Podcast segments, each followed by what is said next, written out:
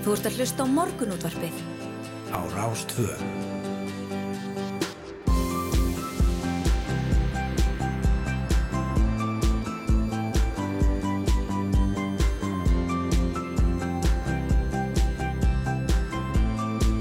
Morgunútvarpið Á Rástvö. Morgun útráppið býður góðan dag mánundaginn 29. ágúst klukkunum vantar einhverja tíu myndur í sjö og þá er yngvar Þóru og Snær og Sindradóttir sem ætla að vera hérna með ykkur til klukkan nýju í dag Já, heldur betur svo alla virka daga. Það var svona sér háslæðilegt hér á höfuborgarsvæðinu þegar við fórum á út í daginn en það er haustið komið, skóðinu byrjaðir og, og allt er að falla í sinn vanagang. mm Brakandi fæst loft, skíjað, haustlegt það er bara hérna, nýtt upphaf?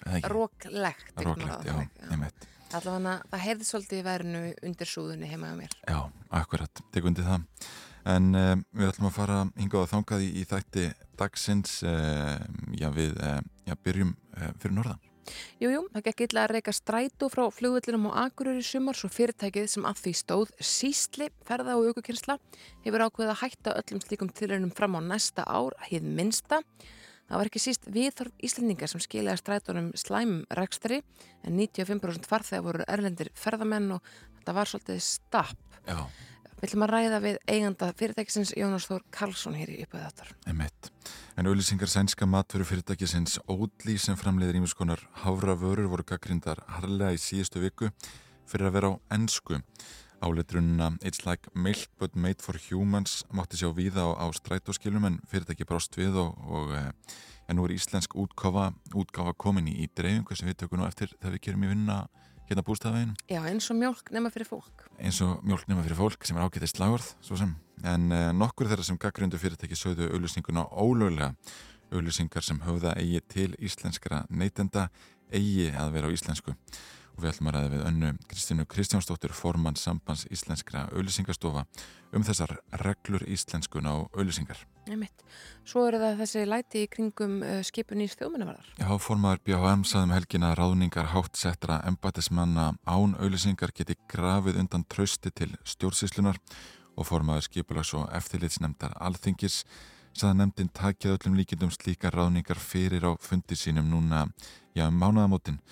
Nú þrýr af fjórum ráðneitistjórum sem skipar hafa verið á þessu ári, þeir voru fluttið til í starfi úr öðrum embættum og sömu sögur að segja um stöðum þjóðminnavarðar sem skipa hefur verið í án auðlýsingar og við ætlum að ræða við Anitu Elufsen, formann eh, félags íslenskar sapna og sapna manna um skipun nýs þjóðminnavarðar. Já, þau sendið mitt frá sér yfirleysingu í hvað, gerkvöldi Já. Það var eftir tímanum. sem var svona, já, nánast að hún var mjög samhljóð á öðrum yfirleysingum sem hafa komið þessu máli þess að hún veist ekki um þessa konu sem var skipið þjóðminnavörður heldur einfallega um ferlið en um helgina hafa málefni fjölbrötaskólans á Suðurlandi verið í deglunni eftir tilkynningu skólamestrans Olgulísu Garðarsdóttur. Þess efnis að kynferðsbrot hafa átt sér stað innan veggja skólans. Báður aðlar ætti þó rétt á að mæta áfram í skólan þar til dómur fjalli í málinu og það myndi reynast báðum aðlum þungt, þar að segja málið. Skólanend FSU hefur sumulegis gefið út yfirlýsingu þess efnis að stjórnendum og nefndinni hafi þarna fatast flugir og hafa viðkjönd minnstöku í málinu en nýjustu vendingar því eru að drengurinn sem grunaður er um brotið kom ekki til með að mæta minnstakosti ennum sinn. Svona mál eru flókin, kemferðsbroti í litlum samfélagum að borðu skólastofnunir eða vinnustadi og okkur leikur hug, hugur og vita hvernig hægt sé að taka ákvarnir í þeim án þess að skerða mannrættindi eða valda óþarfa sásöka. Steinin Gíðu og Guðjónsdóttir talskona stígamóta verður gestur okkar upp úr klukkan átta.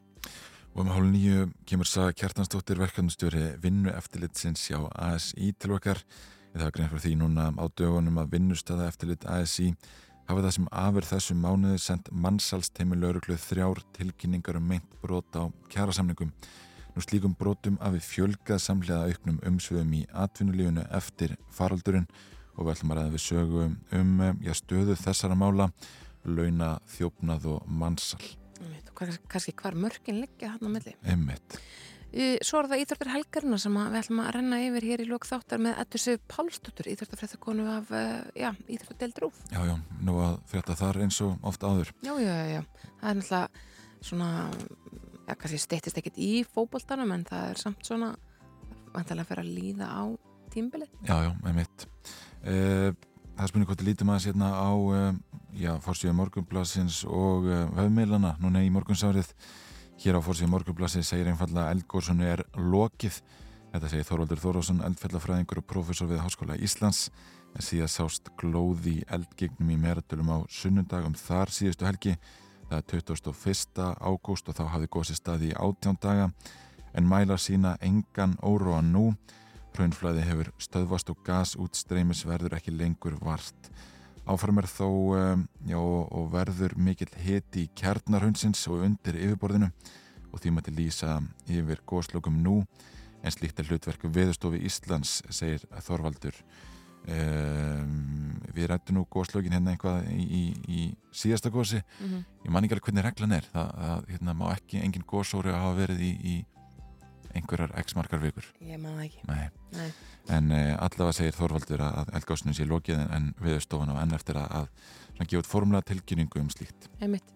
Hér á uh, forsiðrú.is er greint frá því í nótt á sjötta tímanum að uh, fulltrúar alþjóða kjarnangumála á stofnunarinnar séu leiðinni til Saboritsia kjarnanguversins í Úkrænu Það er hann Rafael Grossi, yfirmaður alþjóða kjartnangumálastofnunarinnar sem ætlar að mæta hangað sjálfur á samt teimi sínu, eftirlitsteimi.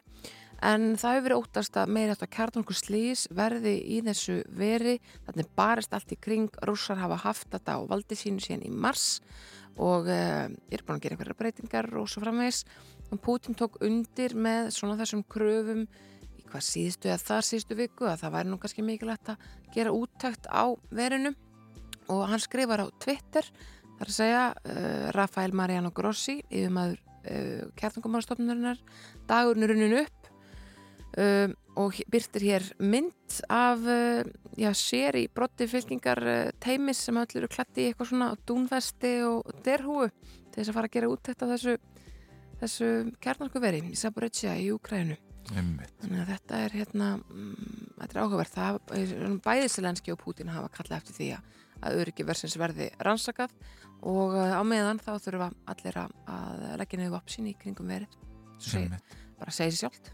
Akkurát, það er mitt rætt hérna við Óskar Hallgrímsson ljósmyndara sem er búsettur í Úkrænu í morgunblæðinu eh, hann var í gerð vitnað að björkunulegangri þar sem 16 úkrænskum borgurum var komið í skjól frá Rúslandsir umræða hóp sjálfbúðarlega hvaðan efa að úr heiminum sem á hverjum degi fer í slíkan leiðangur og Óskar var með í förðlist að fylgjast með og sapna heimildum. En haldi var til Solidar í austurluta Úkrænu næsta bæ við höfuborg Donetsk hérads og orðstanum Solidar er með þeim hörðustum þessa myndir og hefur hún staði yfir í tæpan mánuð. Nú rúmlega 10.000 manns búa í bænum. Hann er enn ja, sem komið er á yfirraðsvæði Úkrænumanna en Óskar álítur að hann falli fljótt í hendur rússa og við vorum undir stórskota hríði í allan dag. Þetta er búið að vera ansi klikkaða dagur öruglas á klikkaðasti sem ég upplæði í stríðinu segir Óskar en hafa nýkomin á stríðsjáðum svæði borgarinnar þegar morgumblæðin náði á hann í gær. Og þá var hann á leið með einn særðan einstakling af þeim 16 sem Bjarga var á sjúkrás mm -hmm. Það, Þetta stríð í Ukrænum verðist engan endi ætla að taka. Um, og það er spurning hvernig þetta fer allt saman. Það er allavega því spáð að að átökinn og stríði tegi sig að minnstakosti yfir næsta ár. Það er staðið yfir í halvt ár nú þegar og, og það er búist við já, jafnvel öðru eins. Já, áður en að, að samið verður um frið því að það endaði út alltaf þannig. Að já, samið verður eitthvað staðar þegar skadaðin skiður en við ætlum að skipta að vera fréttastofuna að heyra sjöfréttir og af uh, atbyrðum nætturinnar og morgunsins og komum svo verðum við spórið með veður, færð og skemmtilega tónlist Þú ert að hlusta á morgunútvarpið á Rástvö.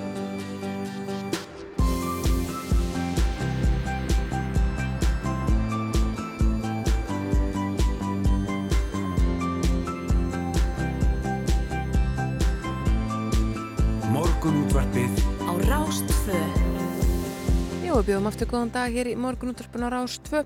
Snæður Sindardóttir og Yngvar Þór Björnsson með ykkur til klukkan nýju og það er eitt og annað sem við ætlum að bjóða upp á í dag. Jú, við ætlum að hefja þáttinu á þess að ræða já, strætó frá flugvöldinum á Akureyri. Við ætlum að ræða íslenskar auglýsingar á ennsku tilfæslur embættismann á skipunís þjóminavarðar. Við ætlum að ræða þetta mál í fjölbrytaskólinum á Söðurlandi við steininni Gíðu og Guðjónsdóttur og um, já, allir var að ræða eh, hér eh, um það beil hálf nýju við verkefnustjóra vinnu staða eftirlits hjá ASI um, um launathjófnað og mannsal. Já, og svo förum við yfir íþjóttafrættir helgarnar með Eddursveit Pálsdóttur í lok þáttar. En við erum horfur á landinu. Í dag og morgunum verður nokkuð ákveðin suðlag átt, skíjað og ryggning af og til á sunnan og vestanverðurlandinu og bætir tölvert í úrkomin á morgun og miðugudag. Fyrir norðan og austan verður vindur mun hægari og lengst af þurft og bjart veður en það er talsverð hlýindi sem fylgja þessum söðlagu vindum og geti 20 stega múrin rofnað á norðaustur og austurlandi og þá einnig herst inn til landsins þingaðsveitinni og svona notarætt. Já, já. Já. Já, já, hér á, á vegagerðinni er, ég rætti um það að það er tölvertum framkvæmdur á höfbrukarsvæðinu sem og í nákrenni þess eins og mörg hafa líklega tekið eftir vegfænundi beðnur um að virða merkingar og hraða takmarkanur og sína aðgátt við vinnusvæðin. Nú eh, á Austurlandi vegna vinnu við borgarferðaveg er vegurinn grófur og þar má búast í miklu steinkasti og mælti með að fólk fari hróastunguveg og lagafossveg og eh, já það að nóg um tilkynningar hér á vegagerðarinnar um vegavinnu í eh, já, hinn og þessum er unniða lengingu vinstribau og akreinar, af Reykjanesbröð við bústafeg og vegna framkvæmdana verið núverandi beigurinn lokað að hluta þar maður búast við. Í einhverjum töfum það er unnið eh, já, lengingu vinstribau og akreinar af Sæbröð um, unniða breykun ringvegar millir Selfos og Hveragerðis. Það eru stór aukutæki sem þverja veg og er hraðin á framkvæmdasöðinu tekið nöður í 50 og 70 km klukkustund og e, þetta má allt nálgast hér á, á vef vegagerðarinnar. Er en eigum við ekki að spila smá tónlistingar. Þetta er uh, Án þín með uh, Bubba og Katrinu Haldur.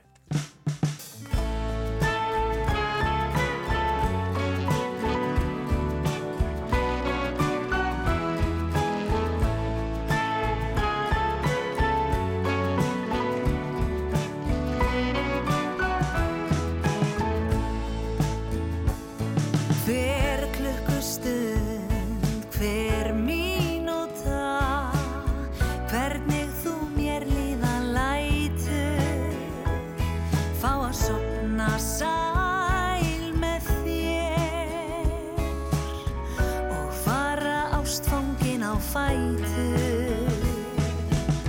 Hvernig þú gáir út um gluggan Hvernig ljósið fellur á því. Hvernig þú drekkur þitt kaffi. Hvernig þú horfir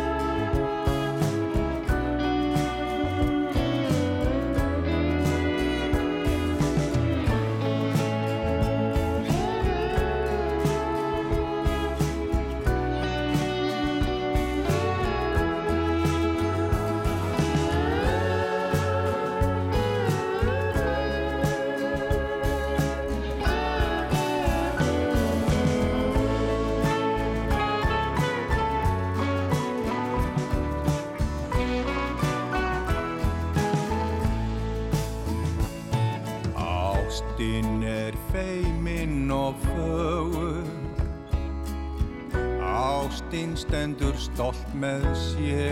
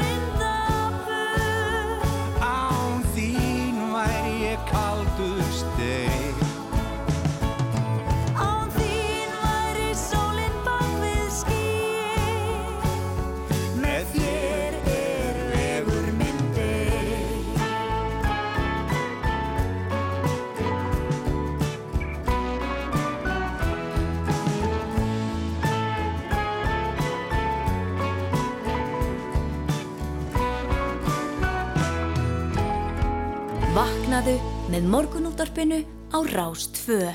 Herðingar, ég sé hér á internetinu að Hillary Clinton hefur bæst í hóp þeirra sem að styðja Sönnu Marin, fórsetsaður af Finnlands í uh, dansi sínum. Ég mitt uh, um tölvöld rætti þetta mál Sönnu Marín fórsetsaður af Finnlands sem var svona hallega gaggrind fyrir að, að ég fyrir nokkur minnskið sem byrstust Mm. en Clinton er hérna að senda Marín sem er yngsti fórsetsaður heims skilabóð á Twitter eh, ásand mynd á sér sjálfurri dansandi í Kólumbíu. Mm árið 2012 meðan hún var enn utarríkis ráð þeirra uh, mikil stemming og mikil stöða þessara mynd sem Clinton byrtir Já, og svo segir hún þetta þessar frægu hérna, setningu Ginger Rogers gerði allt sem að Fred Astaire gerði nema hún gerði það aftur og baka og í hælum. Já, Þetta er svona þessi, hérna, þessi svona fræga setning sem að kjarnar einhvern veginn mun á því hvernig við sjáum kalla á konur, sko. Já, já, einmitt. Að hérna, já, bara gaman að þessu. Uh, og Sanna deilir þessu og gerir uh, takk fyrir Hillary og hjarta og þetta er bara allt saman besta mál. Far 100 og uppskýr 180.000 like, bara sér Sanna. Hillary mm, hvað var hann að segja? 147.000 hún er ekki alveg minna vinsal heldur en Sanna sem að fær enn frekari stuðning. Gaman að því. Já, já, maður skilur það. Já, annars uh, fór ég að skarpa í norður um helgina einhver Já, ég hérna uh, tengdafað minn var 70 átti ammali alltaf mikið var hann Já, takk fyrir. Nefna það að við, við fjölskyttan fórum í smá göngutúr upp í fjall. Þau eru bændur í skafirinnum, Mhm. Einmitt. þetta fólkur mínir og, og hérna og svo þau áttum hérna smá svona lautaferð aðeins upp í fjalli, aðeins upp í hlýð, upp í skórætt eins og heitir hjá þeim Mhm. og uh, svo er gíl hérna við hliðina og maður minn uh, óskrætti því að, að fjölskyldan færi heim og við hjónin gengum aðeins inn gilið til að sjá fossin við endanum á því og það er auðvitað bara eins og það er maður gengur með einhverjum vunum smalamanni maður er alltaf eins og barbapappi þarna á ferð mm. -hmm. við hliðina á honum um, hverskitt sem hann gekk yfir skriður eins og ekkert væri þá hrundi það rundan mér og ég veit ekki ekkur hvort það var hvort það var að því ég sé svo þungstig eða að því að Nei. ég ætla ekki að hleypa fleirum en einu minn sko. já, já, já, nema það svo erum við komin hérna að þessum fossi sem er endist að vera bara minnsta spræna og hétt ekki neitt og, Mhm. og er kannski ekki alveg svona foss á mínumæli hverða minnsta kosti. Nei. en, en ég ákvað að segja ekki neitt en það maður er minn stoltur af sínum heimafossi og sínu heimagili og já, Þetta- algjörlega, já, já, Skiljanlega. 100% Já, já, uh, og svo erum við leiðin tilbaka og villumst aðeins, eða sko ekki villumst við fórum svona ofan við það sem við áður höfum farið neðan við. Mhm, og allt í einu hjekk ég þarna á okkur klettasillu og þú veist þegar maður heldur að maður sé alveg að fara að deyja þá talaðum um að sjá af lífi sínu, þjóta hjá já það var ekki þannig að mér, ég Nei. sá bara svipmyndir af öllum þeim bíómyndum þar sem ég sé fólk hanga á einni Já, já, já. hendi á klettasillu einhvern veginn Þú varst ekki að hugsa um notalega stundir hérna í morgunúndarpinu og- Nei, ég og var hérna ekki að því og ég var ekki að hugsa um þig og bara það eina sem ég var bara, ég orkaði bara, ég hliti nú að vera að fara að deyja og uh, það sem er gert er að það er þurfa opnuð sakamálarannsókn inn í málefnum mannsins míns fyrir að leiða mig inn í þetta Já, já, gil og svo kæmi ég ekki tilbaka. Uh, og svo hugsaði ég um það, ég hliti að vera eina mannskinn í heiminum sem geti ekki hangið á, á einni hend, einni hönd í Já. hér þessu gili. Nema það upp kemst ég og sitt þarna og þá var ljóst að við erum komin í eitthvað svona sjálffeldu við hjónin. Uh, og ég sá, hugsaði með gott að glóðurinnar að ringja þyrluna. Þangað til að hann benti mér á það að fyrst kemur björgunarsveitin til þess að auka á niðurlægingu mína. Emmi og það er reynd að koma niður þannig. Og það er ekki alveg glamurus eins og að fá nei þegar ég var gil í skafirinnum þannig ég enda á að forna gallaböksunum í, í hérna, það að renna mér hérna á rassinum niður Já, já, brattan Já. og þetta bara, þú veist, við erum ekki öll búin til fyrir svona príl, sko. Nei. það var eiginlega niðurstaðan. Það var, var bara hræðilegt. Já, ég get bara, bara vel trúa því. Uh, Já, já, þe- þetta er heilmikið aðvindri Já, ég bara aldrei aftur sko. En uh, talandum aldrei aftur, það uh, stendur ekki til að halda áfram strætóferðum á Akureyri, að það er að segja á, á Akureyri. Nei, nei, við ætlum að ræða það hérna eftir eitt lag eða svo þá hér við Jónsi já, Þór Kalsinni sem uh, já, kom svolítið að þessu þessu ævintýri þar að bjóða upp á, á strætó frá flugvillunum Já, og það voru 95% eraldi ferðamenn sem nýttu sér þetta allt saman og, og Íslinga vildi ekki sjá um þessa leið til þess að fara frá vellinum hennar. Það maður að heyra í honum, við verðum hann að vera norðan bara svona. keeps driving me crazy. There's nothing much I can do, I'm aware. There's no one quite like you, you're one of one, one in a million. I'm alone with you, Waking up and hanging out at home with you. You don't ever do no wrong to me. I wish that I could just say the same, but it's okay. I'm trying to do whatever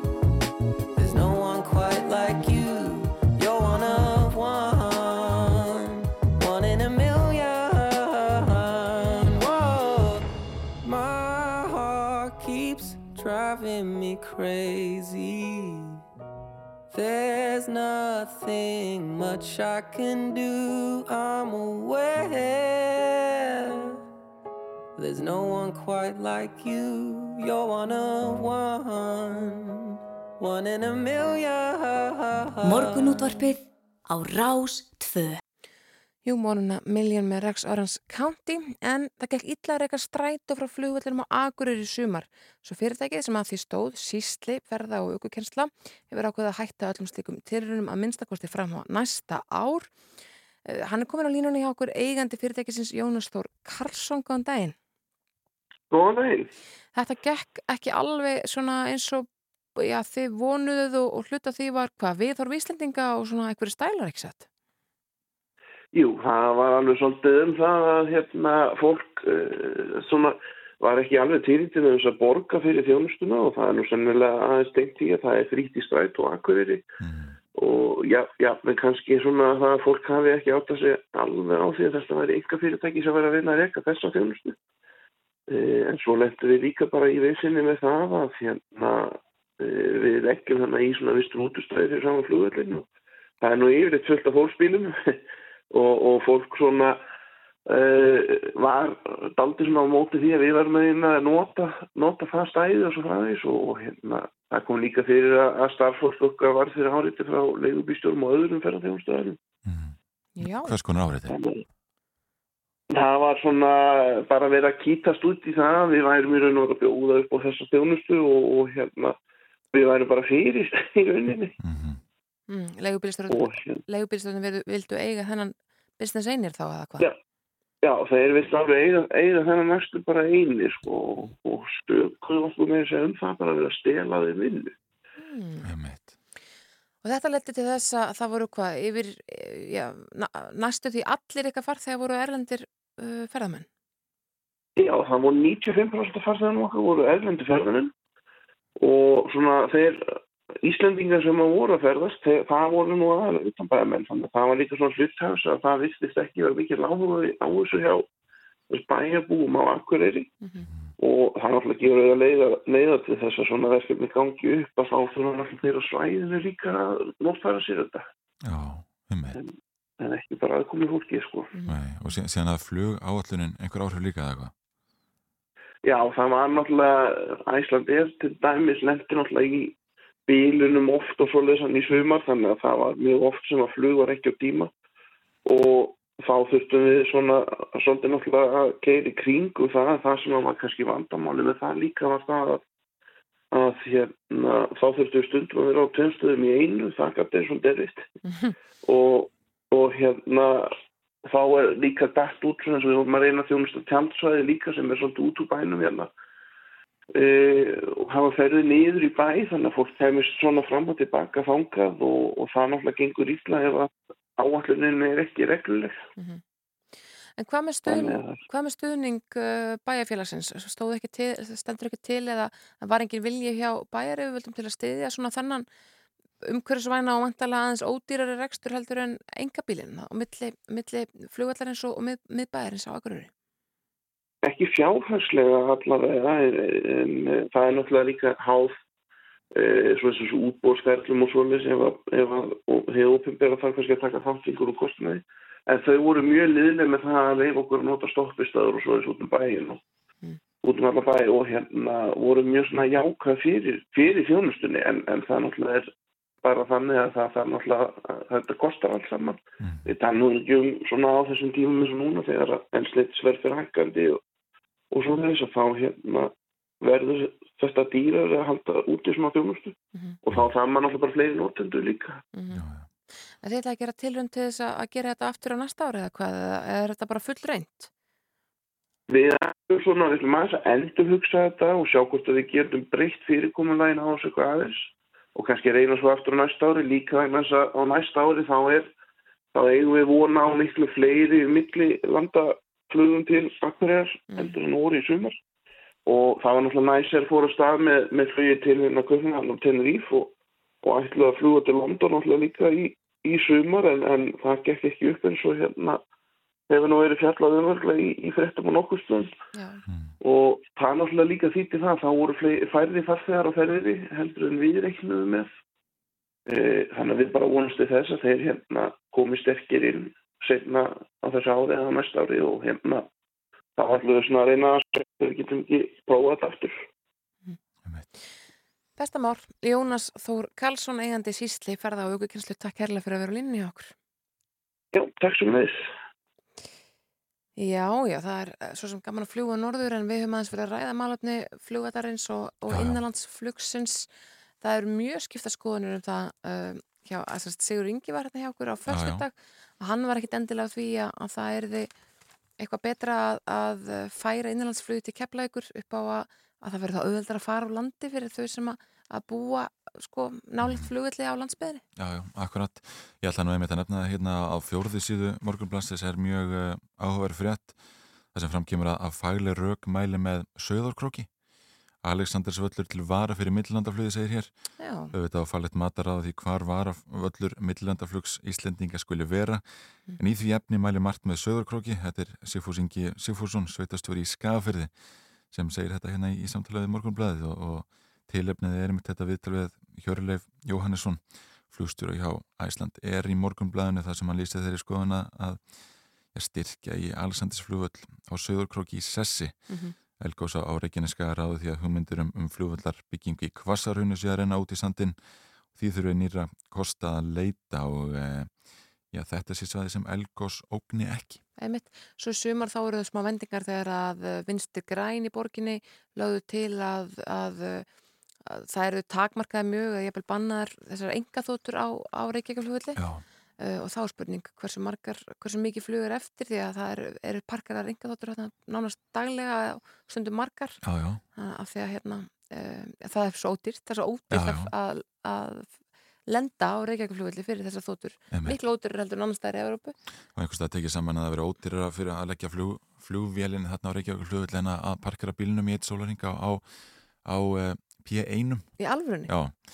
E, hversu mikið til því, það er spurning en e, þetta hefur alltaf verið áhört fyrir flug áhuga fólk að geta mætnir á Reykjavík flugvill og séð bara flugþótur brasilískra auðgifinga og fleira slíkt. Já, einmitt, og svo náttúrulega, sko, hefur svona, í tengst bæði var COVID, það var svona aðeins rætt þetta, en líka í varandi bara svona afstöðu okkar til þess að hinga sér fluttin dýr til landsins Já, að það eru æmis gældir sem geta komið þessa leiðina hjúst, með ferðamönnum sem að að koma já, já, þetta er, að, að, að, að, Það er margt í þessu. það er rosalega margt í þessum En, flugvellamálum og innanlandsflugsmálum Já, já. Eh, það er alltaf deilumál og annað deilumál er blestuð íslenskan. Mm. Eh, hvað eigi að vera á íslensku og hvað megi að vera á ennsku og eh, við ætlum hérna já, eftir já, eitt lag og, og frétta yfirlitt að ræða við samband íslenskra auðlýsingarstofa um já, auðlýsingar sem höfða eigi til íslenskra neytenda en er á ennsku eins og auðlýsing sænska matvörurisans Ódli. Já, uh, hvað það ég aðan, Hvern, hvernig orðaði ég þetta? Það er eins og mjólk nema fyrir fólk og ekki þannig sem að nýja íslenska útgáfana þeirra auðlýsingu Já, nema gerð fyrir fólk, einhvern veginn svona, já, Já. akkurat. Í staðan fyrir ennskuna sem að hann var þau voru, eh, fljóta að skipta þessu út Já, It's like milk but made for humans var uh, á, á strætóskilunum. Já, mjólk mjólkufólk, það rýmar. En fyrst eins og þú nefndir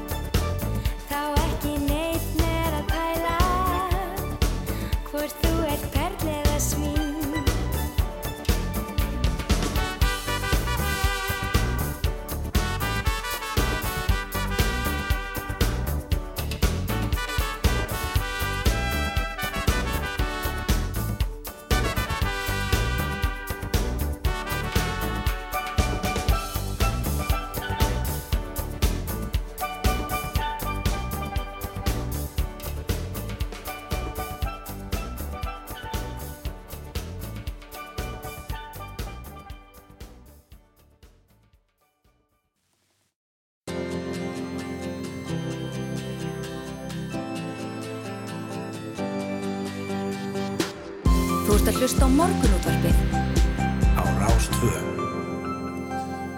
Fréttafélita baki og morgunútrapið heldur hér áfram en um, auðlýsingar sænska matveru fyrirtækisins Oatly sem framleiðir ímskonar hafravörur voru gaggrindar harlega núna í lok síðustu viku fyrir að vera á ensku. Áluturunina It's like milk but made for humans mátti sjá víða á stræt og skílum en fyrirtækið gaggrinninni og íslensk útkofa er nú komin í dreifingu. Nú nokkur þeirra sem gaggrindu fyrirtæki sögðu auðlýsinguna ólöglega. Auðlýsingar sem höfða eigi til íslenskara neytenda eigi að vera á íslensku. Nú Anna Kristín Kristjánsdóttir formaði sambas íslenskara auðlýsingastofur hinga komin. Góðan daginn. Góðan daginn. Er það rétt? Þurfa auðlýsingar að vera á íslensku? Sko, samkvæmt þessum lögum, semst sjöttu grein laga, uh, uh, nummer 57, 2005, uh, þá, þá stendur það og, hérna, og það er bara eðlegt að við gerum þá kröfu að, að, hérna, að við séum að tala á móðumálun okkar þegar við kom, þurfum að koma að skera bóðum á framfæri mm. til neytenda. En svo má ekki gleyma því heldur að við búum í svona hérna ennsku mælandi samfélagi bara alþjóðlega. Mm -hmm. Það tungamáli búið að taka svolítið yfir, sérstaklega í, í markasetningu. Þannig að hérna við sjáum það víða og ekki síst hérna á Íslandi að það er verið að nota ennsk orð og ennskar setningar til að ná svona grípandi hérna uh, já, bara í raun og veru vekja aðtegli og þegar við tölum um íslensku fyrir Íslendinga þá sannlega þegar það þarf að fara að dýfka skilabóðin þá viljum við að þessi tala á móðum, móðumálunu mm -hmm. og sko, og hvernig kemur þetta við ykkur í, í auðvilsingabransanum? Finnst ykkur þetta hamlandi að þurfa að hafa íslenskunum í svona fyrirrumi? Ég ætla ekki að segja hamlandi vegna þess að hérna, mér finnst bara uh, mér finnst mjög gaman að þessari umræði vegna þess að, að hérna það að fólk hafi fyrir því að standa upp og verja tungumálið er bara frábært og það er einstakt að, hérna, að semst, miða við það sem svíjarni segja sem að hérna, voru með þessa herrferð að þá hafi þeir sett þetta á ennsku út á allamarkaði mm. og þetta er náttúrulega hérna, alþjóðlegt vörumerki og þeir setja þetta á ennsku út á allamarkaði og Íslandir raun og veru eina landi þar sem neytendur standa upp og verja sitt tungumál mm og í raun og veru nótkun á, á því við að koma skilabóðum á framfæri mm -hmm. og það er það sem að mér finnst frábært mm -hmm. sama hvaða raunveruleika í raun og veru við búum við með ennskuna við erum náttúrulega búum í alþjóða samfélagi í raun og veru, við, mena, við erum að taka á móti hérna ferðamönnum í stórum stíl hinga til Íslands og, og hérna íslensku örumerki verða að laða, laða sig að því og, og hérna og breyta sínum skilabóðum yfir á ennsku. Mm. mm. Þannig að þetta er svo markþætt. Ja. Það er ekki hægt að taka einhver eina afstöðu í þessu máli sko. Mm. En erfitt eiga við, ég menna við erum alltaf að tala við hérna, aðila á fleirin einu tungumóli mm. eða í flestum tilfellum. En það fer í þegar það þarf að diffka skilabóðin sem að þarf virkilega að vanda sig þar. Já, já. Þetta er áhverju punktur því að, að sko hvað að 15% Íslendinga er einflýtjendur og, og hér fyrir faraldurinn er okkur 2 miljónir ferðamanna á, á hverju ári um, er ekki einhver leiti bara útilokandi að vera með öllisingar á, á íslensku? Engungu. Ég myndi segja að engungu, það er nánast útilokað og svo er það líka bara, uh, ef við tökum bara íslensk fyrirtæki og stopnarnir sem hafa svona ákveðna upplýsingaskildu og það er það spurning hvað eru markaskilabóð og hvað er upplýsingaflæði og þegar við komum til dæmis bara eins og skilabóð uh, tengt almannavörnum eða, eða annars slikt og, eða bara um svona, svona burðar þjónustu, fjarskipti og annað. Þú veist, eigum við bara að tala íslensku? Þurfum við ekki að ná til allra sem eru á landinu? Mm -hmm. uh, þurfum, og heilbriðistjónusta, ég menna, þurfum við ekki, við höfum ákveðna svona upplýsinga hérna, skildur mm líka mm. sem þurfa að skilja sér til allra. En hvernig fer svona fram þegar að svona uh, alþjóðlegt vörumarki eða bara reysi á borðið ótlí vill auðlisa hér á landi, fer það ekki gegnum íslenskara auðlisingaskrifstofur? Hvernig, hvernig eru þeir komnur á öll eh, hérna, stætuskili að þeir eru nota sömu auðlisingu í matlaverum? Sko, ég myndi halda að hérna, hver sem er gæti kipt auðlisingu á strætuskili án þess að fara e, með millingangu auðlisingastofu. Mm. Og ég veit nú ekki nákvæmlega hvernig það væri þessu tilfelli en, en hérna e, og samkvæmt fórstur innes þá fór þetta ekki í gegnum íslenska auðlýsingastofu að þetta er allavega komið beint frá þeim mm -hmm. sem hefði þá getað svona greipið fyrir það að þetta verður að vera íslensku samkvæmt lögum Já og sko það má ekki glemja þetta verður oft verið sett hérna, skilabóða oft verið sett á ennsku áður bara til að vekja aðtekli mm. af því þau eru kannski bara mjög auðskiljanleg í svona samhenginu uh, en í þessu tilfelli þá held ég bara að þau hafi bara verið í alþjóðleiri herrferð, hendi þessu út í, í hérna, heimsmarkaðin, skiliru, Mhm. inn í kosmosið og svo er það í raun og veru bara íslenski bara sem að koma og segja, heyrðu, við viljum bara fá þetta á íslensku Mhm. Og það er bara mjög gott og gilt eh, en svo er líka sko mikið af þessum alþjóðlegu vörumörkum notar ennskuna sem sitt eh, markasmóðumál ef maður segja Mhm. og það er líka sko að miklum hluta til vegna þess að það að þýða svona kjarnaskilaboð getur oft verið bara uh, svolítið bara erfitt Já. Mhm. bara til að halda sömu merkingu á öllum mörkuðum Mhm. að því að, að hérna bara eins og við þekkjum þá er, eru við bara með ólík orð í okkar tungumálum sem að ná utanum ennsku meininguna. Já, já. En í þessu tilfelli er íslenskan svo góð að hún ætti eiginlega að vera all, allstaðar. Já, það er það sem er svo frábært við þessa umræðu Já, en já. ég held að til dæmis þegar uppi staðið að þá er þessi herrferð alls ekki búin að skada íslenska tungu heldur bara búin að vekja aðtekli á því að við getum gert betur Mhm. Og við eigum að reyna að gera betur. Heldur þetta hafi áhrif og að þessi viðbröð almennings hafi áhrif á, á auðlýsingastofur? Hvernig þau nálgast sínar auðlýsingar og, og svona og uh, sjáum þess að þróina að verslanir og, og fyrirtæki er í auknum mæli að, að skýra ennskum nöfnum. Heldur þetta Ég að breyti því eitthvað? Sko ég vona bara að þetta hafi áhrif á okkur til góðs og við séum bara stolt af okkur tungumáli og, og reynum að nota það eftir fremsta megni og ég held satt að segja, ég held að ef þetta hefði kannski verið rínt aðeins betur þá hefði mögulega einhver rétt upp hönd og sagt, heyrðu, það væri nú eiginlega meira smart sko að setja þetta fram á íslensku. Mhm. Ég hefði, hef svona tilfinninguna fyrir því en, en hérna, mér finnst þetta vera bara frábært dæmi um það að við hefum að draga lærdóm og við hefum líka að hafa gaman að því að vera bara að fjalla um tungumálið og velta þessu fyrir okkur. Af því að það er nú líka bara oft þannig að það er ekki eitthvað eitt rétt sko en við hefum að bera virðingu fyrir íslenskar tungu og við hefum að hugsa, þú veist, getum við ekki sett hana framar. Einmitt. Anna Kristín Kristjánsdóttir formaður sambands íslenskara auðlýsingastofa. Þetta er áhugavert. Takk fyrir að kíkja til okkar í morgunúttarpið. Já, takk kærlega fyrir að fá mig.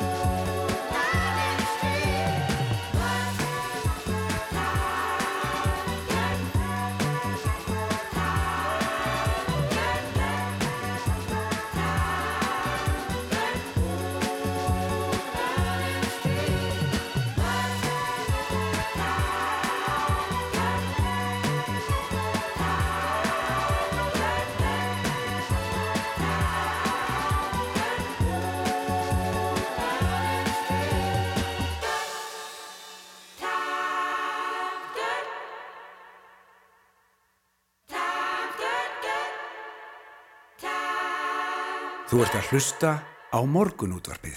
Good Times með Jungle, þetta er hressandi á mándags mótni. Frábært lag. Frábært lag. En uh, já, formaður BHM sagði í fréttum um helgina ráningar hátsettra embætismanna án auðlýsingar geti grafið undan trösti til stjórnsíslunar og formaður skiplags og eftirlisnemndar alþingi saði nefndin takið öllningindum slíkar ráningar fyrir á fundi sínum. Nú þrýr af fjórum ráðuneytistjórum sem skipaðar hafa verið á þessu ári. Þau voru fluttir í starfi, fluttir til í starfi úr öðrum ennbættum og sömu sögur að segja um stöðu um þjóðminjavarðar sem skipað hefur verið í án auðlýsingar. Nú Anita Elfsen, formaður félags íslenska sapna og sapna manna er á línu. Góðan daginn. Góðan daginn. Hvað þykir ykkur um, um skipun nýs þjóðminjavarðar og, og það ferli allt? Já, við erum í raun og veru á, á sömu skoðun og, og þeir sem við varst að nefna hér í aðdragandanum. En eh, við í stjórn félagsins, eh, við hefum rætt saman um helgina og gáðum síðan frá okkur yfirlýsingu í gerðkvöldi. En eins og margir aðris þá gerum við alvarlega rættuarsamtur um, við það verkferðli sem var haft við skipun nýstjóminni varðar síðastleginn fyrstu dag. Og mér langur samt að byrja á því að taka það skýrt fram að, að okkar gaggrinu hún beinist að engum hætti að nýskipið um þjóðlunaverði heldur af ferlinu sjálfu en eh, eins og aðrir þá erum við þeirra skoðanar að, að ráðningar sem þessar með því að færa ennbættismenn til í starfi án auðlýsingar séu bæði ógagsægur og ófælegar mm -hmm. og eru til þess fallnar að grafa undan trösti á stjórntísluna og ennbættismannakerfi mm -hmm. Mm -hmm. Og þetta, þetta bref sem þið sendið bæði á fjölmjölíkjar og vantarlega á ráðherra? Já, við gerum það, hvora tvekja. Mm. En sko, er í raun og veru, sjáðu fyrir ykkur að það verður þetta að draga þessa ráningu til, eða þessa skipin tilbaka með einhverjum hætti vegna þessara gaggrinni eða, eða er þetta svona bara framtíðar músík að brína stjórnvöld til þess að já, fara eftir svona faglegu verklægi þegar kemur að ráningum? Já, sko ég finn að segja alveg eins og er, það er nú ekki eitthvað sem hefur komið upp í okkar samtali að, að hérna um, að svona gaggrinni geti orðið til þess að þessi ráning verði dreginn tilbaka. Það er allavega ekki eitthvað sem við höfum rætt í okkar hópi mm. en, en frekar að brína fyrir stjórnvöldum að, að þetta sé ekki verklag sem að sé æskilagt að viðhafa. Já. Þannig að svo snýst þetta líka um svolítið bara stjórn, stofnununa sjálfa og fæið. Mm. Þjóðminnisafni er höfuðsafn og sveiði þjóðminnivarslu og það er svo, svo stofnun sem bara trónir opnum í íslensku safnastarfi. Mm. Já, og fráfærandi þjóðminnivörður hefur setið í langan tíma þannig að það er mjög langt síðan að e, staðan var laus og auglist síðast. Mm.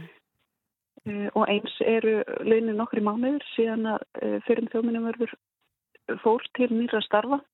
Þannig ég held ekki þetta alveg leitt mér að segja að það séu margir sem hafa í rauninni beðið eftir auglýsingu og tækifærinu mögulega til þess að sækja um. Mm -hmm. þannig að með því að skipa án auglýsingar þá líka svolítið sem að gengið á bara ákveðin jafnbryttis og líðræðisjónum. Já. Hvernig hefur umræðan verið hjá sapna fólki núna síðustu daga? Já, svona það sem ég hef heist að það bara eru allir afskaplega hissa. Um, það verðist vera þannig að allir hafi fengið þess að fréttir í fjölmjölum á förstu dag. Mm. Þannig að þetta hefur verið mjög óvandar fréttir. Um eitt. Mm -hmm. og við höfum auðvitað séð í umræðu í fjölmjölum og annars líkt að, hérna, að það er víða sem þau sjónum meður uppi. Mm -hmm.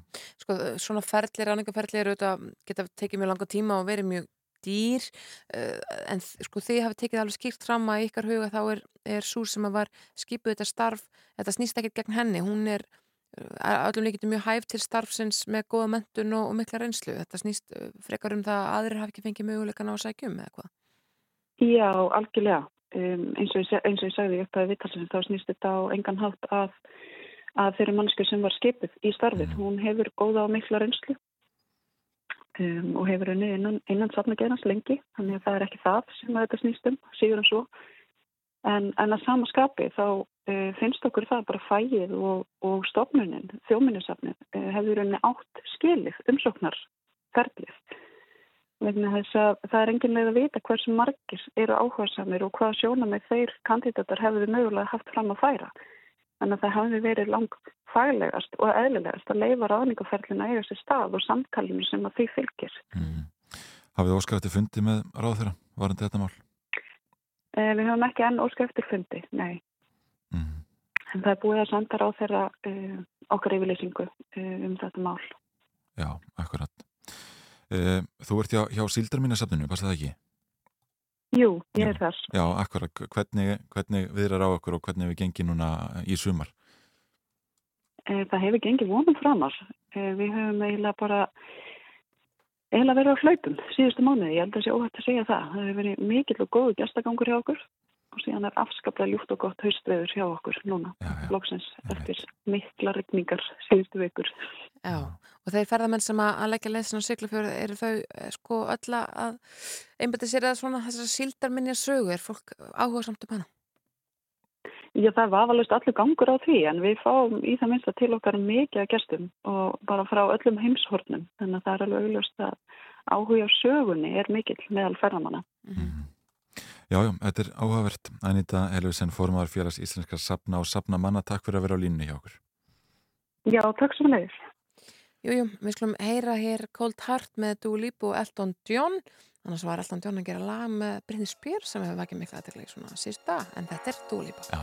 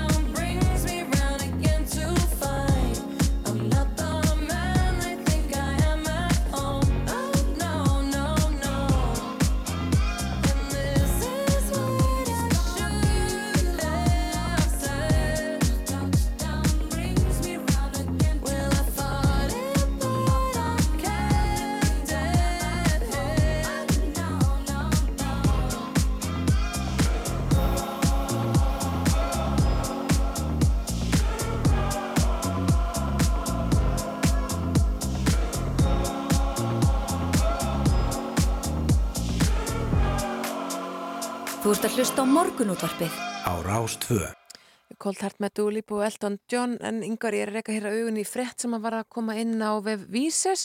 Það segir frá uh, bara algjöru strísi ástandi óerðum og ofbeldi sem átti sér stað í stúkunni eftir 22 jafntefli grannliðina AEK og Hammarsby í sænsku úrvartildinni í fókbólta í gær síns mér. Þetta er svakalega minnskið. Já, einmitt og lauruglan með þetta mál til rannsóknar og, og ótrúlega að horfa þessi minnskið sem Sænska ríkisjónvarpið til að mynda byrtir á, á Twitter uh, það talaði um að öryggis áallin hafi mistekist þegar þessi tvö lið uh, ja, mættust uh, og mikil hitaleikur, tvö-tvö leikur og ja, eftir að leik laug þá bara brutust út mikil slagsmál milli stuðnismanna liðana þar sem við brutu niður girðingu sem aðskildi tilskipuð svæðið þeirra mm -hmm. og öryggisvæðið þarna þurfti að stíga á milli manna Það voru ekki aðeins nefatni sem voru látni tala þar sem stuðnismenn begja liða skutu einning skotblísum í áttakvorum öðrum eins og sjáum á þessum, þessum myndskeiðum. Já, já, þarna er allt í reik og, og einmitt svona rauður blossi frá einhverjum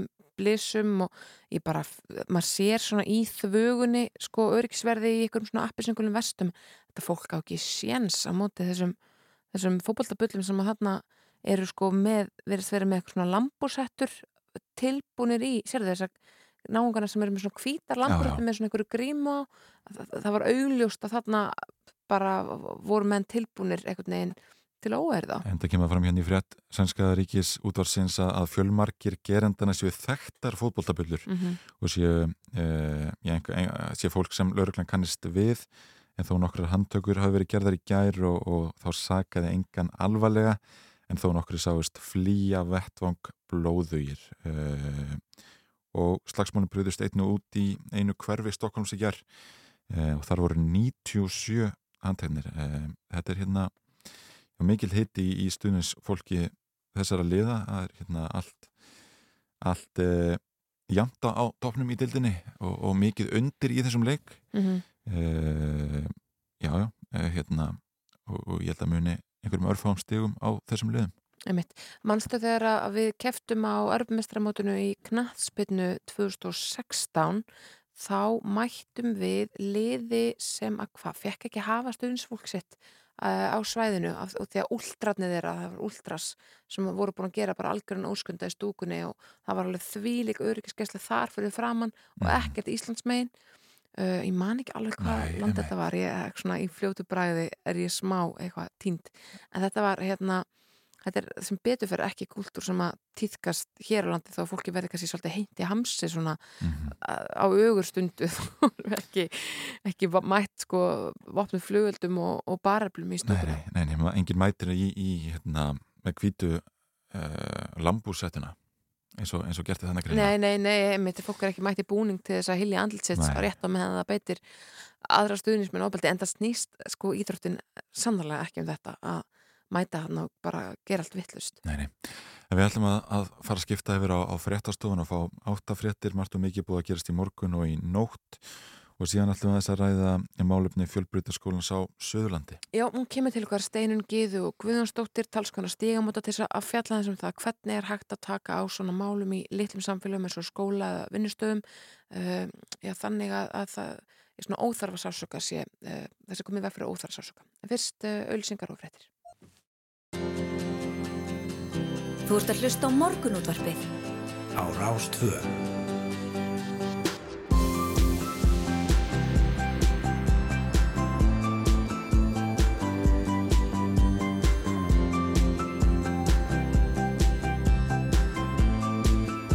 Morgunútvarpið á Rástvö.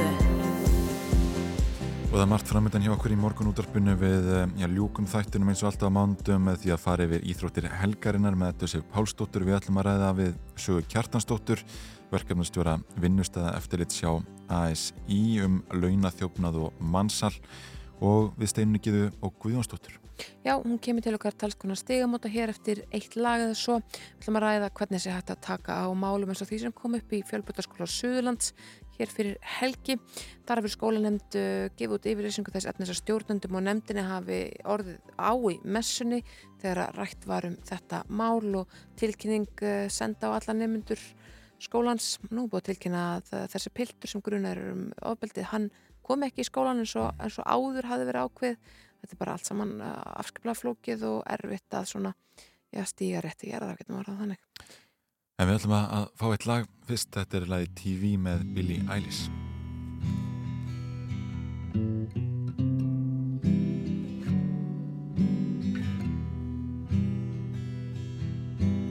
I don't wanna talk right now I just wanna watch TV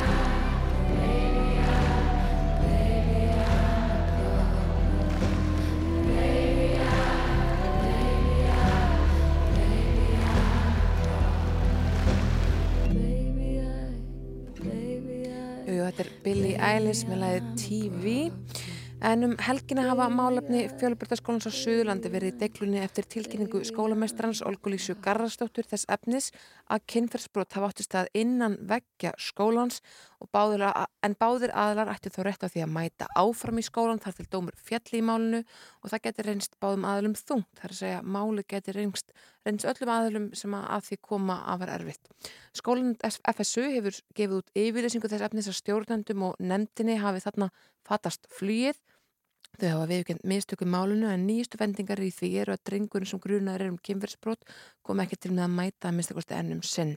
Þessi málur er aðskaplega flókin, kynferðsbrot í litlum samfélagum á borðu skólastofnunir eða vinnustadi og okkur leikur því hugur á að vita hvernig hægt sé að taka ákvarnir í svona málum aðeins að skerða mannréttindi eða aðeins að valda óþarfa sásöka.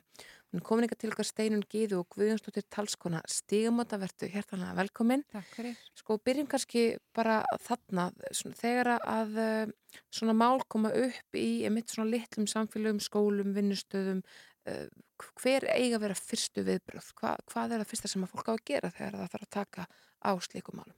Ég held að fyrsta sem þú, fólk þarf að hugsa út í er að vera komið með áallun áður en að brotin eiga sér stað. Mm. Sko, það er alveg mjög líklegt að að mjög margir þurfi að takast á við aðstæðar sem þessar á næstu misserum. Mm -hmm.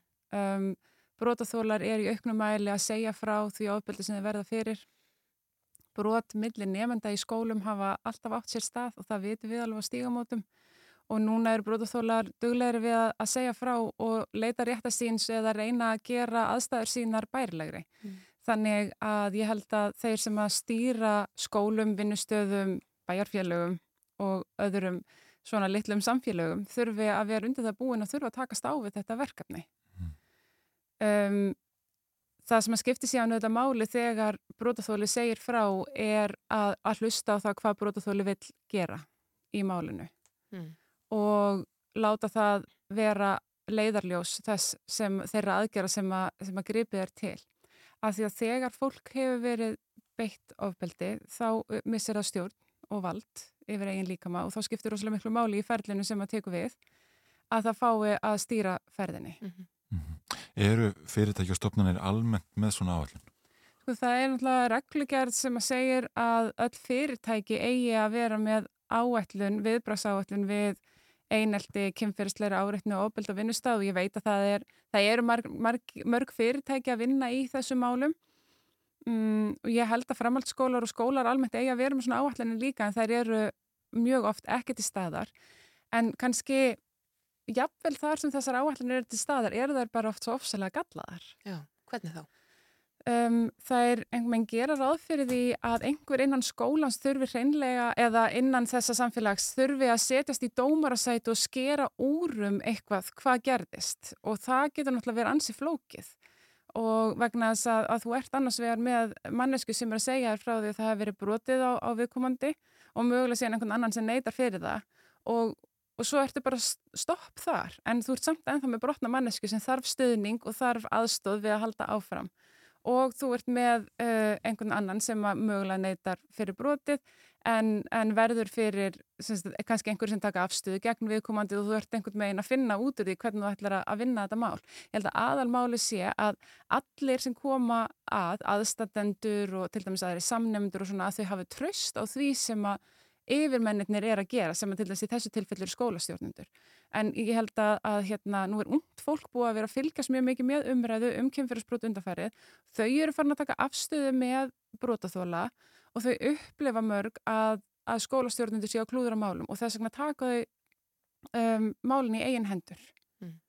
Þannig ég held að hérna, það skiptir rosalega miklu mál að skapa tröst og að, að allir hlutægandis átti sig á því eða sagt, upplifi það að þeir sem eru að, að stýra þessum málum hafi einhverja þekking og skilning. Mm -hmm. Sko hluti af vandanum með svona, þessum hörðu viðbröðum sem að þessi frum yfirlýsing uh, skólumestaransvakti var, voru orðin saklausins sektir sönnuð mm -hmm. uh, og svona gefið þess kynna að máli verði bara leitt, le, leitt í líkta hjá domstólum mm -hmm. en við erum auðvitað svolítið meðutum að, að það er líka pínliti gallaferli, tekur langan tíma og svo framvegis. Er eitthvað hægt að gera sko til þess að bregðast við án þess að vera búin að eh, sko gefa afslátt á þessari megin reglu að fólk sé raunverulega saklaust í augum lagana og samfélagsins áður en að það er dæmt og, og, mm. og rannsókn hafa verið fram en samt uh, þannig að, hérna, að brotaþólu þurfi ekki bara eitthvað neina að upplifa það að ekkert hafi gerst fram á því. Já, akkurat, sko, einmitt, þetta saklausum sektu sönnu, það er grundvallarregla réttaríkisins þannig að, að ríkið megi ekki refsa einhverjum borgara mm -hmm. án þess að sekt sé sönnuð. Það er, sagt, það, og það er eitthvað sem við notum til þess að tala um ríkisvaldið og refsingar ríkisins. Mm -hmm. Þetta er ekki kannski endilega meginregla sem á allstaðar við. Um, það er erfitt að sanna kynferðisbrott mm. vegna þess að þau gerast fyrir luktum dyrum þannig að, um, þannig að og, og það sem gerst fyrir domstólum er það að það er verið að meta trúverðuleika framburðar og það er kannski lítið um önnur sönnagögn og ég meina í þessum tilfellin þá stendur náttúrulega bara stjórnandi frammi fyrir því sama en það bara ákveða hverjum mann ætlar að trúa og hvað hann ætlar að, gera í því.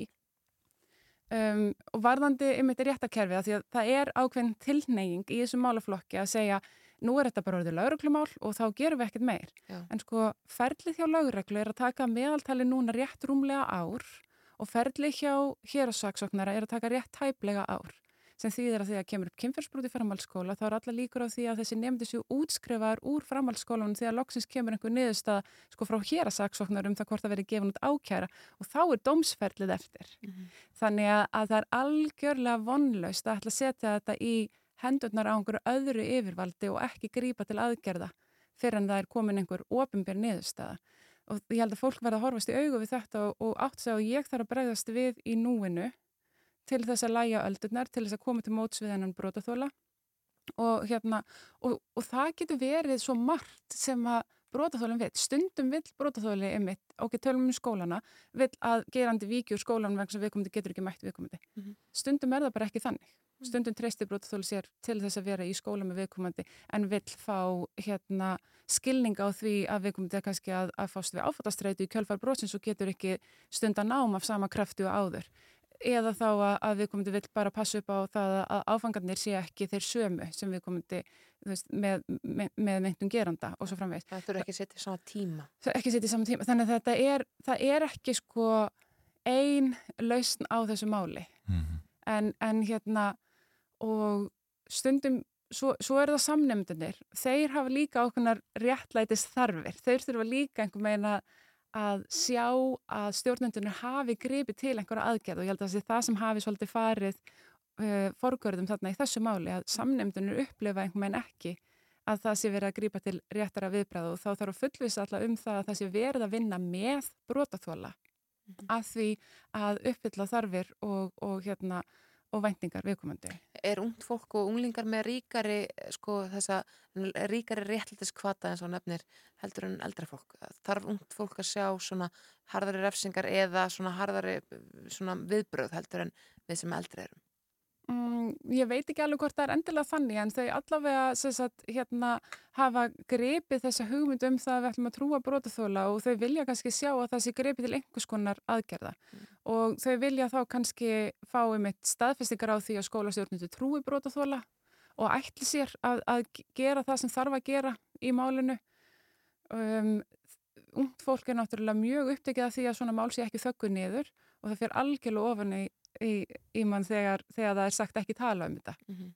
Þannig að vegna þess að þá upplifum að það, það sé verið að segja veist, ekki, við viljum sópa sundu teppi, við viljum helst mm. ekki að fólk frétti af þessu. Mm. En er það ekki æskilegt að nefndafélaginu og nefndurnir komi að áallanagerð? Það er bara mjög mikilvægt held ég að þau taki þátt í því með einhverjum hætti og, og, og hafi kannski einhvers konar hlutverk þó auðvitað með því að, að trúnaðar sé gætt um, og auðvitað að, að við gerum okkur grein fyrir þetta við hvað mál og ekki síst verðan gagvart brotaþóla og ég held að, að samnefndi þurfa líka einhver meginn sko um, að passa að fara ekki fram með aðgerðir sem að eru í anstöðu við vilja brotaþóla í málinu. Mm -hmm. og hérna þannig að, að þau þurfa að passa að þegar þau tala ofinberlega, ég er ekki að tala um þetta mál, bara almennt að, hérna, að þá séu þau með fullvisum það að brotaþóli vilji að málinn séu rætt eða að samnumyndu geri eitthvað eða grípil einhver að gera einhvers konar samstöð og svo framvegis.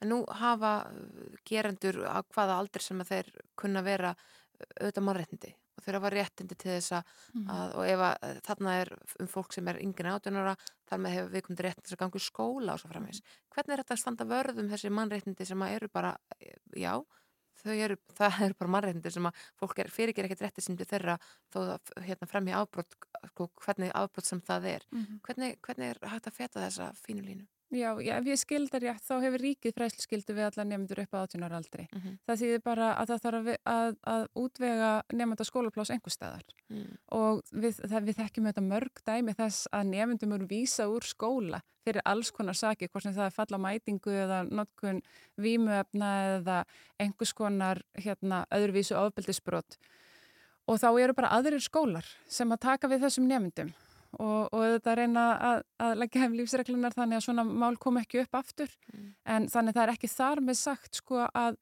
skólinn þar sem að viðkomandi braut af sér þurfi að hafa viðkomandi áfram. Nei. Ef að aðstæðnir eru þannig að það gengur ekki upp vegna, þau annarkvort vegna upplöfunar brótaþóla eða öryggis annara nefnda. Fáðu þið svona málinu borð oft til ykkar hjá stígamótum? Já, við fáum alveg talsvöld mikið af málum þar sem að er uh, ofbeldi uh, milli, sem þar sem nefandi beitir annan nefanda ofbeldi á framhaldsskóla aldrei og þessi mál eru auðvitað ólík. Stundum um þetta eru þau þessi að ofbeldi hreinlega framið í skólanum og jáfnvel á skólatíma. Og hérna, en síðan erum við með önnur mál þar sem að framhaldsskólanemndur kannski eru í sambandi. Og það er mikið kynferðsofbeldi í sambandinu við erum með mál sem að gerast á vegum á skóla skemmtunum en ekki í skólanum önnur sem að gerast bara í partíum sem að þar sem að eru samnefndu samankomnir og allt þetta, öll þessi mál, hvar sem það gerast og með hvaða hætti, þá er þetta samt nefndur við saman skóla og þá er þetta skólastjórnund að taka á því ef að, ef að hérna, brótaþóli segir frá mm. og vil að gripa sér til aðgerða. Enda alltaf þar. Þau enda þar. Mm.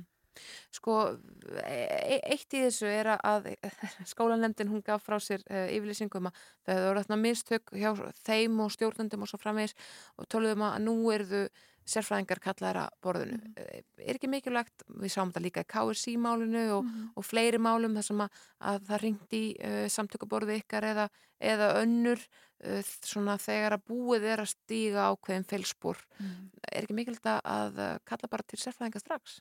Jú, ég held að það sé bara mjög mikilvægt. Ég held að það sé kannski eitthvað sem fólk getur skrifað í viðbragsáallinina sína mm. og hérna, þannig ég held að það sé mikilvægt að þetta fá sérfræðinga að borðinu við það að undibúa viðbragðið og síðan þegar mál koma upp að fá þá líka aðstöð vegna þess að það síðast sem þú vilt gera er að styggja fólki í þessum aðstæðum. Þetta eru erfiðar aðstæður, fólk hefur, þú ert með, með brotaþóla sem eru að upplifa kannski versta atbyrg lífsins, þú ert með aðstandendur og fjölskyldur, begja aðila og alla samnefndur og þú, þú vilt alls ekki stíga feilspor í þessum aðstæðum. Og vegna þess að það gerur bara ílt verra Samt það er svo ótrúlega algengt. Það er mjög algengt og, og kannski lýsir því að, að það ennþá skorti talsvört upp á skilningin á því hvað þetta er í rauninni alvarleg brot. Mm. og hérna eins og í þessu tilfelli það sem að sko er allir líka þetta mjög alvarlegt ofbeldisbara framið í skóla. Einhver meginn hefði maður haldið að, að intæki myndi vera, þú veist, okkur þykir ótrúlega leðilegt að þetta hafa komið fyrir. Við ætlum að, við ætlum að gera allt þess að tryggja öryggi nefnda í þessum skólum, við viljum bara því vita að við erum að gera allt sem við getum. Mm. en, hérna, en það var einhver meginn ekki sko andin í yfirlýsingunni. Nei. en uh, maður hefði einhver meginn haldið það með að við alvarleika brotsins. Ágætt, loka ára steinin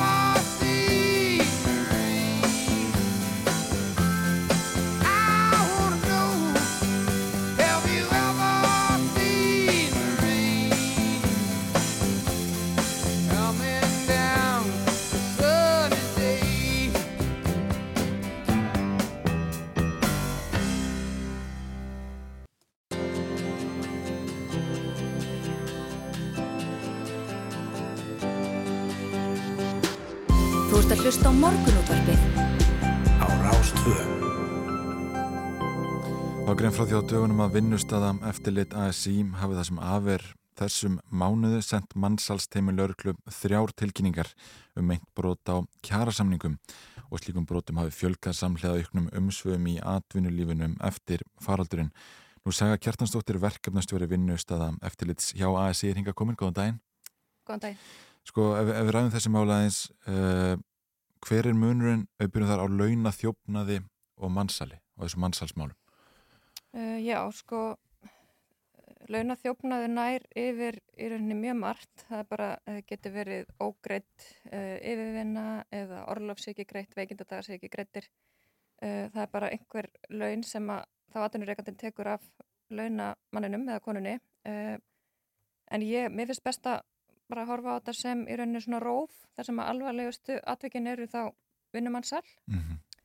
og og eins og kom fram að þá hefur við í þessum, bara það sem af er ágúst verið með þrjú mál á okkarborði hjá ASI þar sem eru allavega vísbendingar um mannsal við getum auðvitað ekki sko, fullirt að, að þarna séu mannsal að ræða en, en við hérna alltaf fylgjumst með vísbendingum um mannsal og vinnum eftir ákveðinu handbók í í vinnustöðu eftirlitinu. Um, en svo eru þetta mörg alvarlega mál önnur þar sem að fólk uh, lendir í mjög slæmum aðstæðum sem að við tilkynum ekki sem mannsal Nei, einmitt. Þannig að þetta er bara svona alvarlegustu brotin á þessum skala, mætti segja. Og hver er ykkar aðkoma að þessu máli? Hvernig rannsakið þið þessi mál og, og, og í hvað stöðu eru þið þegar þið eru sendið inn til örglu? Já, sko, uh, vinnustada eftirlitið, uh, stjættafélagin eru með eftirlitsfulltrúa hjá sér og þeir eru að fara, eru að fara út á vinnustadi, tala við launafólk, aðtöfa hvort að uh, laun séu rétt greitt og svo framvegis og stundum ef þetta er hérna, til dæmis bara rangreit yfirvinna þá bara fer það inn til stjættafélagsins sem að sendi launagröfur um, en þau sem sagt fara þarna inn og eru með þessa beinu tengingu við launafólk inn á vinnustöðnum og, og sjá þá jafnframt í vinnustöðu eftirlitinu þar kemst oft upp um sko alvarlegustu brotin. Fólk sem er kannski ekki að leita sér aðstofar er ekki að leita til stjættafélagsins eða lauruglu að eftirlitsfulltrúar er í mjög góðri svona góðu, góðri aðstöðu til þess að finna þessi brot. Mm. Uh, svo svona með alvarlegri brot og þá oft eru þau sendt til okkar hjá ASI og við erum í samskiptum þá við skattin og laurugluna uh, vinnumálustofnun og vinnu eftirliti sko. Laurugla hefur reynst mjög erfitt að sanna mannsalsbrot og, og sérstaklega svona vinnumannsalsbrot um, hver, hver er þessar vísmyndingar sem að þið eruð að horfa eftir? Sko eitt af því sem við fylgjast með er hvort að fólki sé bara reynilega óttastleið þú veist, ef fólk er hrætt við atvinnureikandan uh, ef að atvinnureikandin eða stjórnandin sko uh, stendur yfir fólkinu meðan við erum að tala við það þá er það svona rautt flagg mm -hmm.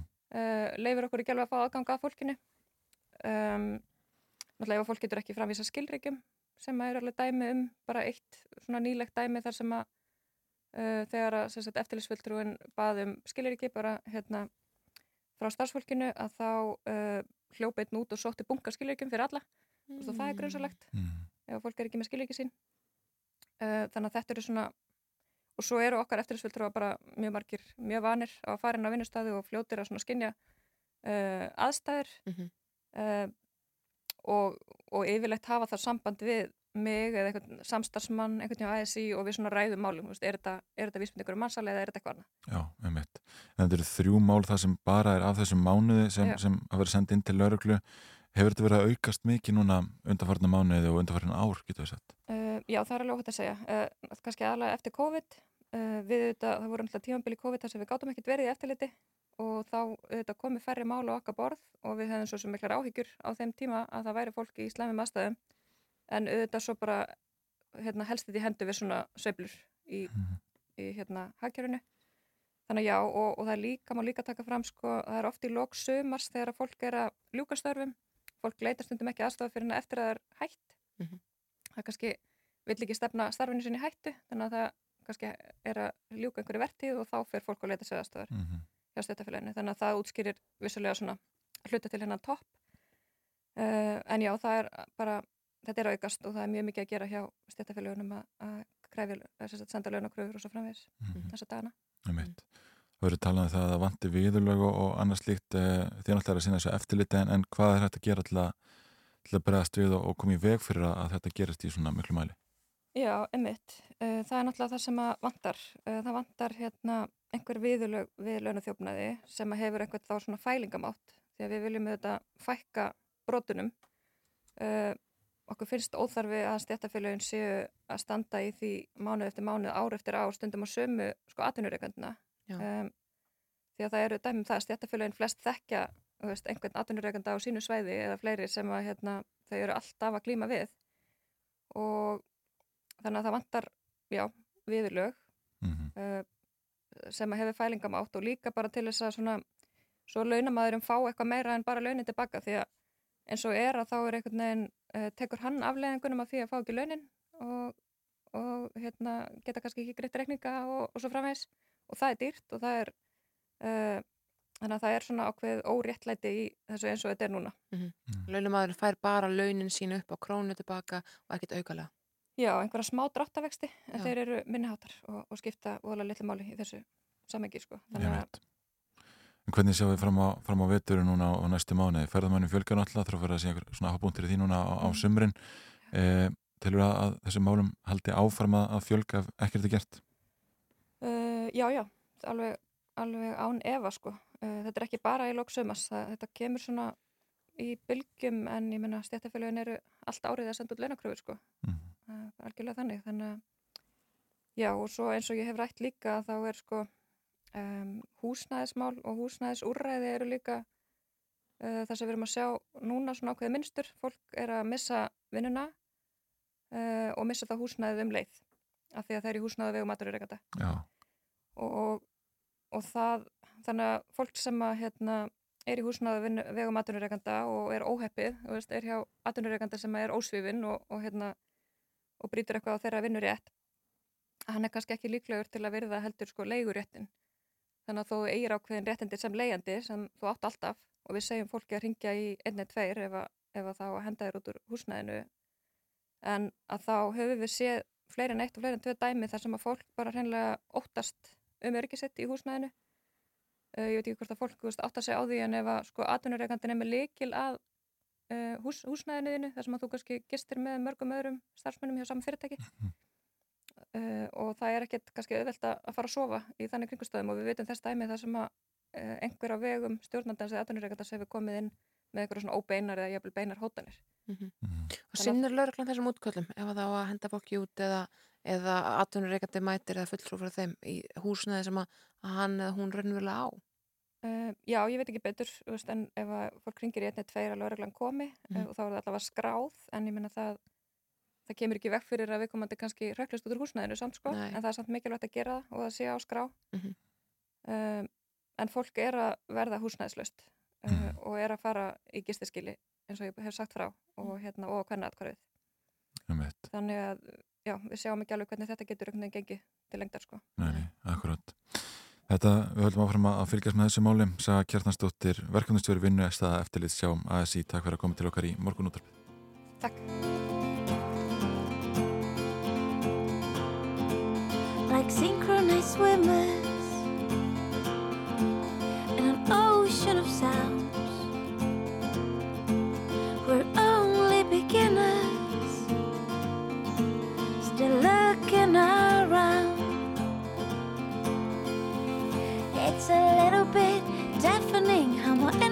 to shout enough.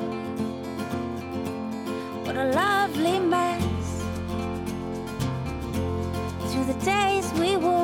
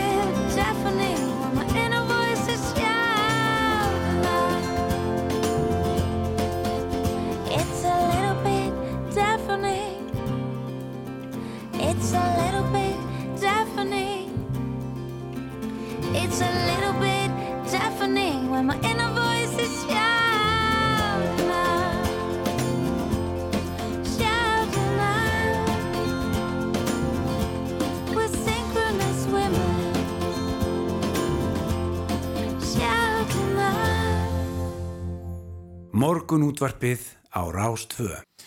Synchronized Swimmers með Hafdísi Huld að finna að já, síðra hlutan hérna hjá okkur í morgun útvarpinu, kannski rétt að fara örstuðt yfir veðurhorfur hérna fyrir þau sem eru á leið núna til vinnu en í dag og á morgun verður nokkuð ákveðin söðulega átt, skíjað og rigning af og til á sunnan og vestanverulandin og bætir töluvert í úrkomuna á morgun og miðvíkudag um, einmitt að er svona hérna Já, já, það, það, er, það er haustlegt veður, getur við sagt, þessa dagana. Já, já, það er það.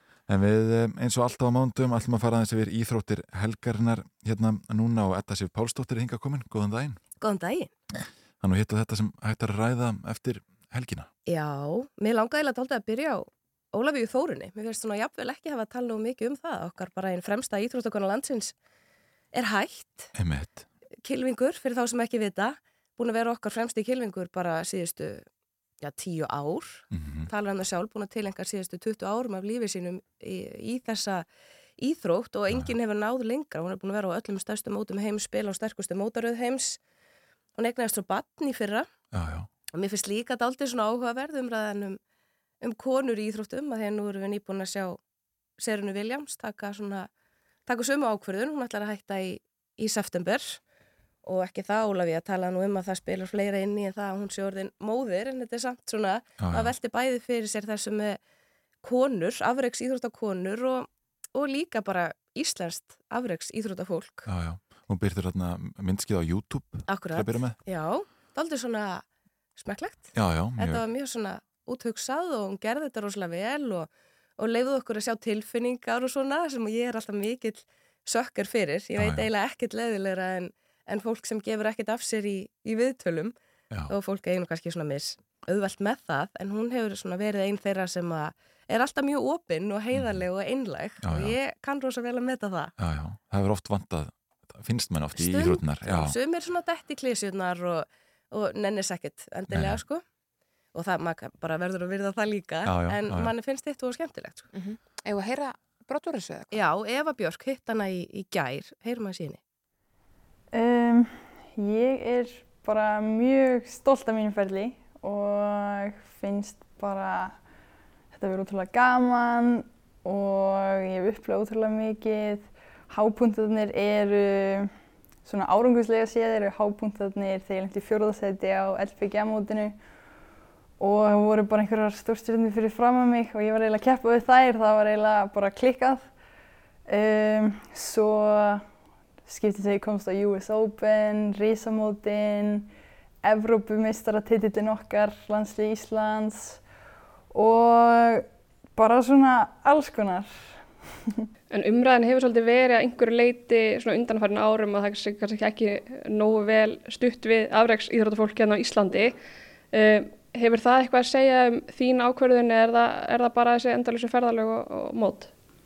Sko, ég hefur ótrúlega heppin að fá rosalega góðan stuðning og það er bara búið að vera frábært en það er ekki, það er ekki jafn létt hjá mér og það var uh, fjárhagslega og það náttúrulega spila líka inn í að því golf er svona íþrótt að ég fæ ekki greitt nema ég fái niðurskurðin og þannig að þetta er ekkert svona reglulegar tekjur. Um, svo er þetta náttúrulega bara líka, þetta er erfiður heimur fyrir íþróttafólk núna það sem margt búið að breytast, það eru samfélagsmiðlar, það eru ótrúlega kröfur og bara það allt, þetta kemur allt bara saman og myndar eitt svona snjóbolta og núna er kökusneiðin af því sem er svona krefjandi fyrir mig orðin stærri en það sem ég er já, að njóta. Emmitt, þarna segir Ólafíða frá því að uh, sko fjárhanslega setja það svolítið erfitt, svona pakki. Já, og erfitt fyrir þessa kilvinga, þú veist, maður áttar sig kannski ekki alveg á lífinu sem þeir lifa, þú veist, komin á þennan stað, þá þarf það að treysta á að komast í gegnum niðurskurð, golmót, þessi golmót eru við fjóri dagar og eftir tvo dagar þá skori niður og það eru mhm. bara einhver x marki sem komast áfram og fyrir það færði greitt og svo færði greitt fyrir í hvað sætið þú lendir mm. og þetta svona peninga upp að hennar raðast hann niður. Uh, hún er kannski fullt af mótum sem hún fær ekkert eða lítið fyrir, hún talar reyndar um það sjálfa, hún er svona eina af þeim hefnu innan gæsalappa, hún hefur verið með góða styrtaraðila og eitthvað svona en samt held ég ekki nóg, þú veist, í einhverju fullkomnum heimi þá bara væri þetta fólk á launum við að gera mm. það sem þau gera og svo klöppum við og erum rosa gluða þegar á einhverjum tilfallandi mótum gengur vel, en svo er bara restin af tímanum sem að þau eru að ferðast út um allt og... En þetta er alltaf svolítið erfitt sko þegar afreiks íðrstafólk í hvaða grein sem er leggur skóna á hilluna og þarf að fara að finna sér eh, aðra vinnu já, já. búið að gefa allan sinn tíma og allt sitt líf í, í íþjóttina Akkurat og svo er það stundum þannig að, að stelpunar hafa kannski frekar verið að spá í að menta sig með fram og, og þetta allt saman að, mm. svo sem aukist að þess að strákunni gera líka en þeir geta stundum treyst frekar á, á herri laun mm -hmm. sem að fleita þeim eitthvað áfram. Mm -hmm en hún hefur verið í alls konar svona uh, svona hérna startup, hvað heit það í Íslandsku? Já, frumkvöla starfsemi og hérna verið svona þetta eitthvað meðfram sem manni finnst náttúrulega svona dálítið skrítið með að við svona það stig sem að hún var komin á, sko, Einmitt. þannig sé Talum við það að hlusta á, á hvað hjartað vil gera já, já. En, en hvað tekur við, sko, hérna já, við veitum kannski ekki nákvæmlega hvað tekur við hjá henni en, en það er alveg bjart framöndan í golfin á Íslandi Já, já, já, við hefum bara mjög spennandi bara golffólk sko mm. og svo mhm. var ég einmitt að hugsa um í morgun þegar ég var að hugsa um Ólafi hérna annar atvinnukilvingur okkar, Haraldur Franklín mm -hmm. hann var líka eignast bann það er, hann er á fullu já. að keppa það er hérna Kristján okkar sér um það á meðan að hann getur verið á sínum mótum og það er, það er svona munurinn kannski á milli hans og Ólafíu til dæmis. Já það eru þetta eitthvað sem að íþjóft að konur þurfa sko alltaf að vera velta fyrir sér og vega og meta hvort, hvort er það að taka hlýja ferðlirum til þess að, að ganga með börn eða ekki, fresta því fram yfir feril og svo framvegs. Akkurat, þetta er alls konar sjansar að, að taka. Já bara gríðarlega sjansar geta haft áhrif á allan skrokkin ef að, ef að illa fer og svo framvegs. Akkurat. Já, þetta er flókið. Já.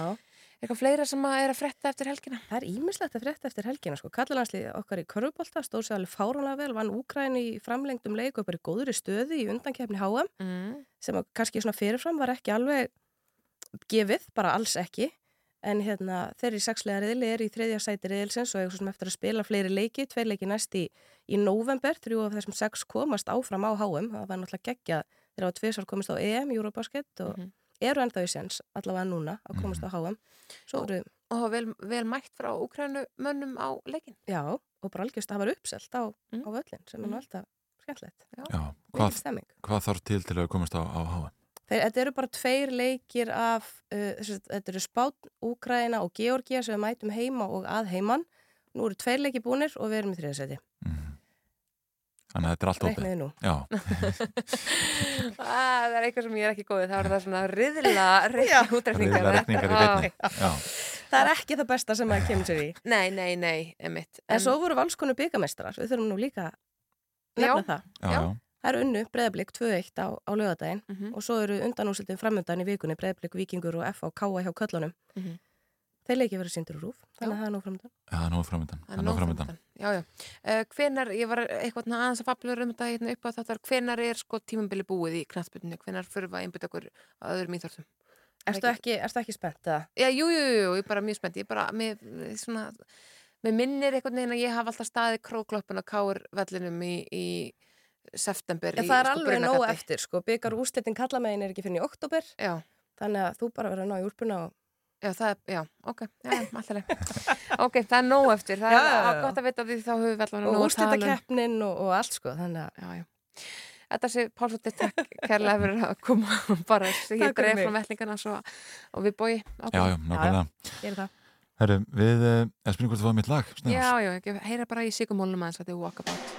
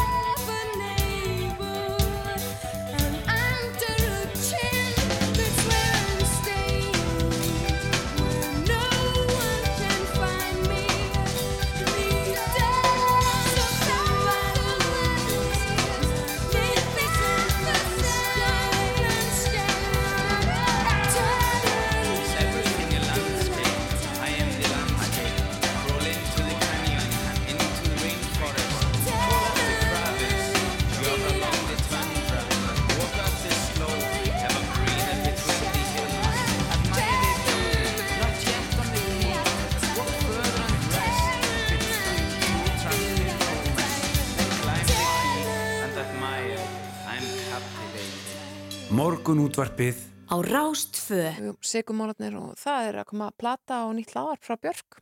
Nú, já, já. Já, já, já. Manstu við fjöldum þessum til daginn og fór í rosa viðtal hjá Guardian, talaði þessum uh, samskipti sín við uh, Greti Thunberg og Katrín Jakobsdóttur og svo að Katrín hefði lofað því að lýsa við neyðar ástandi sem, sem Katrín bara síðan tilbaka. Já, uh, og svo uh, var tilkynnt að, að það væri að koma nýtt hlaðvarp frá henni og mér skilst að Anna Gíða Sigurkisaldóttir sem að var hér uh, allt í öllu ára á sveitt fyrir örfað mánu síðan, hún svona hafi unnið að þessu hlaðvarpi sem komaði þess út. Já, stórkurslegt. Já, mjög spennandi. Á að fara yfir sem sagt alla alla hennar plötu feril í þessu hlaðarpi, skils mér. Einmitt, mjög áhugavert.